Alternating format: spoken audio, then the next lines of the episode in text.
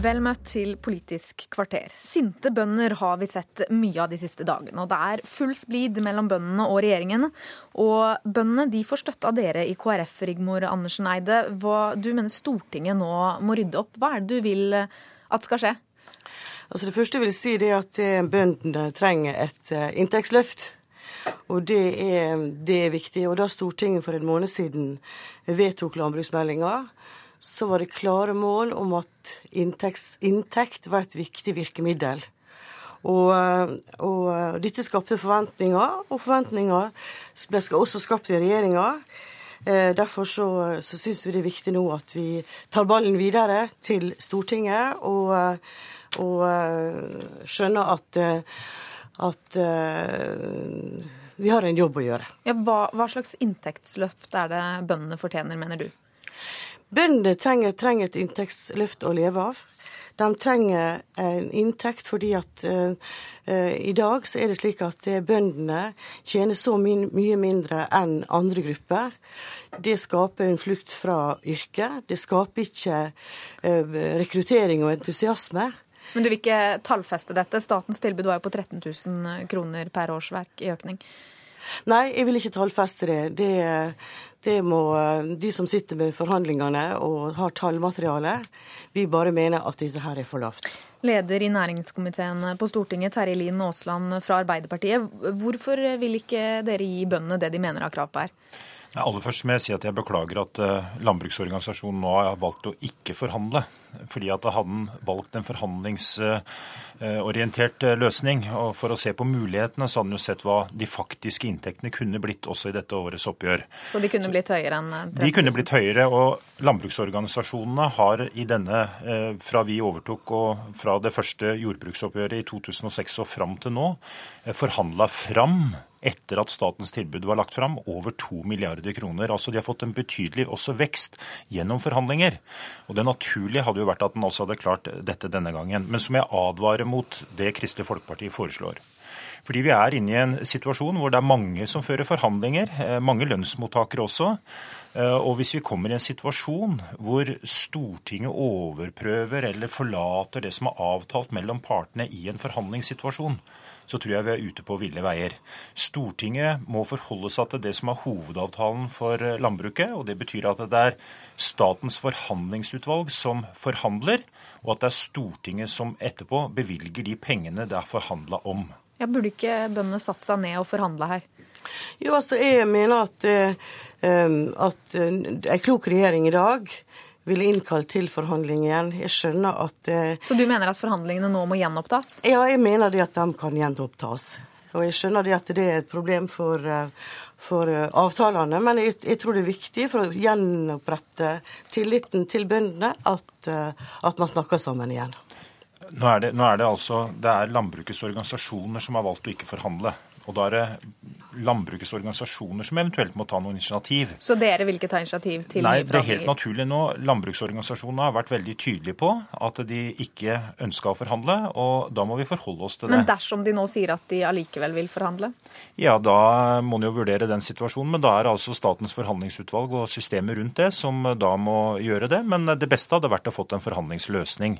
Eh, Torgeir Trældal, eh, i Fremskrittspartiet de siste dagene så har altså bøndene aksjonert rundt om i landet. I går hindra de f.eks. utkjøringa av mel. Har du forståelse for aksjonene? Jeg har forståelse for frustrasjon, for eh, de er jo blitt litt ført bak lyset etter landbruksmeldinga for ca. en måned siden, der regjeringa har lovt dem gull og grønne skoger og ikke ført opp det de har gjort. Men det jeg tror bøndene trenger, jeg tror bøndene trenger det samme som man gjør ellers i Norden og Europa. Der man, eh, har man lønnsøkninger som ligger på en 30% høyere enn i Norge. Og det gjør på at man har deregulert markedet. Man har eh, fjerna produksjonsbegrensningene og gjort andre ting som bonden får mulighet til å tjene. For å ta et eksempel. Eh, hvis jeg i dag skulle starte opp som baker, og staten fortalte meg det at du får kun lov å produsere 20 brød, og du skal få 10 kroner brødet så kan ikke jeg òg leve av det. Og Det er grunnen til at det er bare 14% av alle bøndene som har faktisk en inntekt på 100% som de lever av. Og Det viser jo det at landspolitikken er spilt fallitt, og vi trenger en nytenkning for at vi skal få eh, bønder rekruttere bønder, og de skal få en mulighet til å leve av den inntekten. Sånn som de gjør i Europa og i resten i Norden. Regjeringa har ikke lova noen gull og grønne skoger. Men i Regjeringa har satsa på, og sto, Stortingets flertall har satsa på norsk landbruk. Norsk landbruk og norsk matproduksjon er særdeles viktig for det landet her. Det å kunne sørge for at vi har levende bygder, gårdsbruk som eh, er i drift rundt omkring i landet, i et krevende land å produsere mat i, det tror jeg vi skal være stolte av. Det er en verdi som er, eh, det norske folk også setter pris på. Men i vi- landbruksmeldinga så sier du at det skal øke produksjonen med 20% fram til 2030. Hvordan skal dere få det til? Øke produksjonen om lag i takt med befolkningen, altså ha en, eh, ha en matproduksjon som øker i takt med befolkningen. Det er viktig for å opprettholde selvforsyningsgraden på jordbruksproduktene våre, og det er vi opptatt av å kunne klare å, å innfri. Hvor mye er dere da villige til å betale for det? Nei, Vi har sagt at vi ønsker en, eh, å sikre eh, landbruket en eh, god inntektsutvikling på lik linje med andre grupper. Og så vil vi videreutvikle eh, også systemet fra 2005 og fram til nå. Men Fremskrittspartiet vil i en helt annen retning. De vil, de vil si opp jordbruksavtalen eller fjerne jordbruksavtalen. De vil fjerne markedsreguleringsordningen. Du vil ikke ha noe norsk landbruk igjen hvis Fremskrittspartiet fikk styre det landet her. Så det hadde vært en katastrofe for norsk landbruk. Ja, Det er jo bare tull, tull og tull det han sier. For, for Vi driver den samme type politikk som de gjør ellers i Europa. Eh, Europa der fungerer det godt. Det som jeg sier, Bøndene ligger til 30-40% mer i lønn. Og faktisk så er det Europa som har berga Norge gjennom smørkrisa, ribbekrisa, eh, andre kjøttkriser og faktisk eggkrisa for Nordsjøen. Så det viser jo bare det at den politikken fungerer, men ikke den regjeringa og Aasland fører. Men, men altså det som Aasland nå sier, disse eh, forventningene som ble skapt under landbruksmeldinga, eh, det er akkurat det bøndene nå streiker eller eh, aksjonerer mot, fordi at de opplever at de ikke blir ivaretatt i det jordbruksoppgjøret som nå er fremlagt.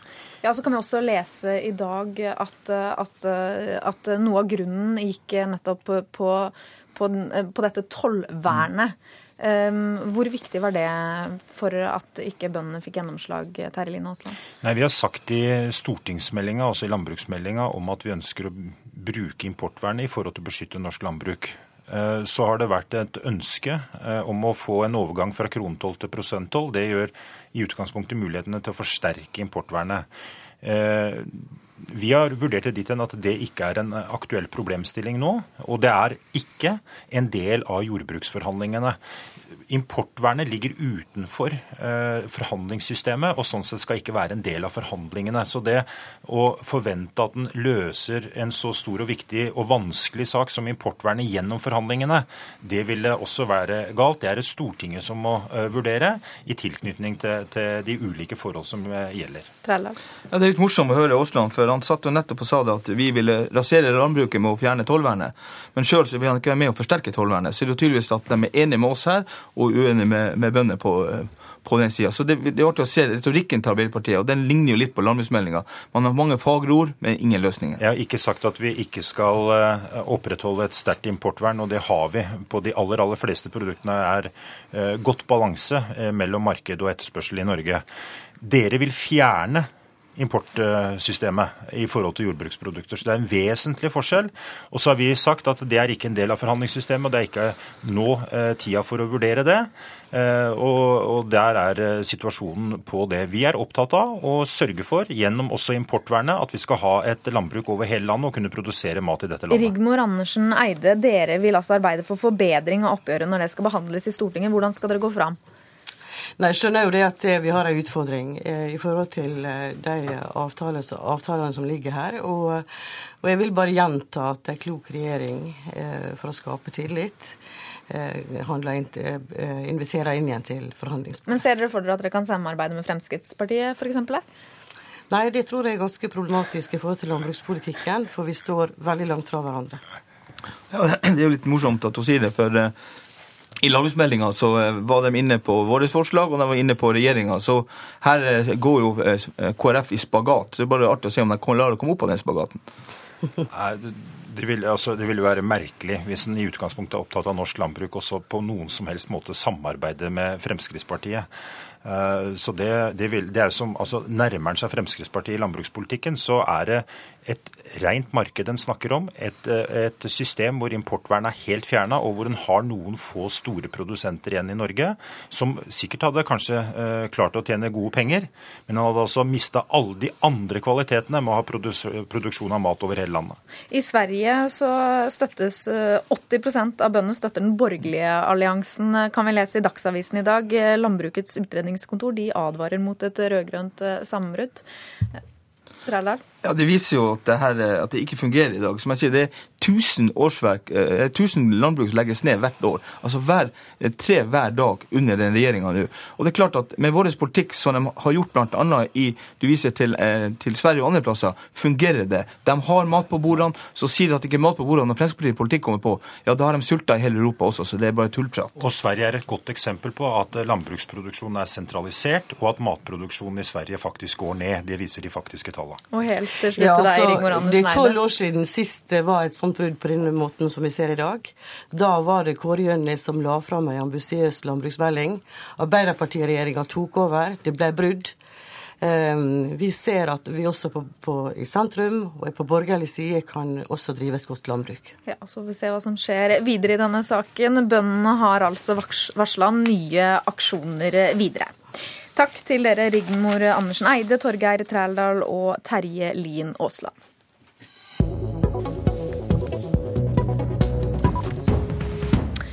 SV jakter på nye reformer. Både privatpersoner og organisasjoner inviteres til å komme med forslag og innspill til partiets program. Programkomiteen har sendt ut flere egne forslag til debatt. I bresjen for arbeidet står partiets nestleder Inga Marte Torkelsen. Vi skal velge oss tre hovedsaker. Og så ber vi partiet og organisasjoner og enkeltpersoner rundt om i hele Norges land om å komme med tilbakemeldinger. Visjoner som er store nok til å drømme om og konkrete nok til å tro på. Slik lyder SVs invitasjon til å delta i reformdugnad. Torkelsen håper dugnaden både gir SV økt oppslutning og samler partiet til kamp for en bedre velferdsstat. Vi mener at vi ikke er ferdig med å bygge landet eller å utvikle Norge. Det er ikke et perfekt samfunn. Eh, og det er noen store hull i velferdsstaten, og det er eh, en del utfordringer som vi må få gjort noe med, som f.eks. klima og transport, hvor vi kan få et stort problem i byene våre hvis vi ikke får eh, avhjelpa situasjonen med privatbiler. Men så handler det også om boligsituasjonen, som veldig mange mennesker merker på kroppen. Det er en urettferdighet ved at markedet får styre for mye eh, av noe så grunnleggende som det å ha et sted å bo. Torkelsen håper også folk utenfor SVs egne rekker vil bidra. Vi ønsker å fornye oss og åpne oss opp og være interessante for flere. Eh, både for medlemmene våre, som selvfølgelig blir aktivisert av det her. Eh, men også for folk på utsida som sympatiserer med SV og mener at vi har en rolle å spille i norsk politikk.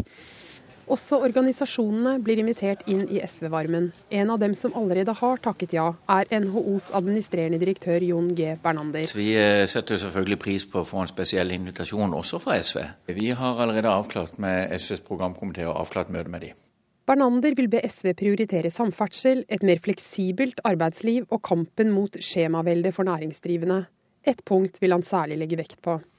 Ja, Vi opptrer uh, i forhold til alle partier med å si at vi gjerne vil ha fjerna skatten på arbeidende kapital. Den diskusjonen gleder jeg meg til å ta med SVs programkomité. For jeg skjønner ingenting av at et parti som SV spiller pengekortet, når vi vet at bedriftene har satsa sine penger på dreiebenken på det lokale verkstedet, traktoren hos, uh, uh, i landbruket, eller for den saks skyld varelageret på butikken på hjørnet.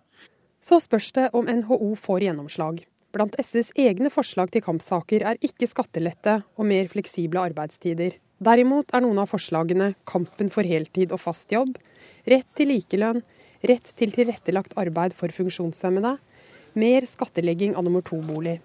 Inga Marte Torkelsen vil ikke røpe sine favoritter til å bli SVs kampsaker, men noen stikkord gir nestlederen likevel. Vi har eh, store utfordringer, ikke minst på boligmarkedet, på miljøområdet, Eh, og med å gi ungene våre best mulig start, sånn at de klarer å gjennomføre et skoleløp. Ja, Reporter i dette innslaget, det var Berit Aalborg. Og med det er Politisk kvarter med programleder Veronica Westrin over, men P2-dagen, den fortsetter.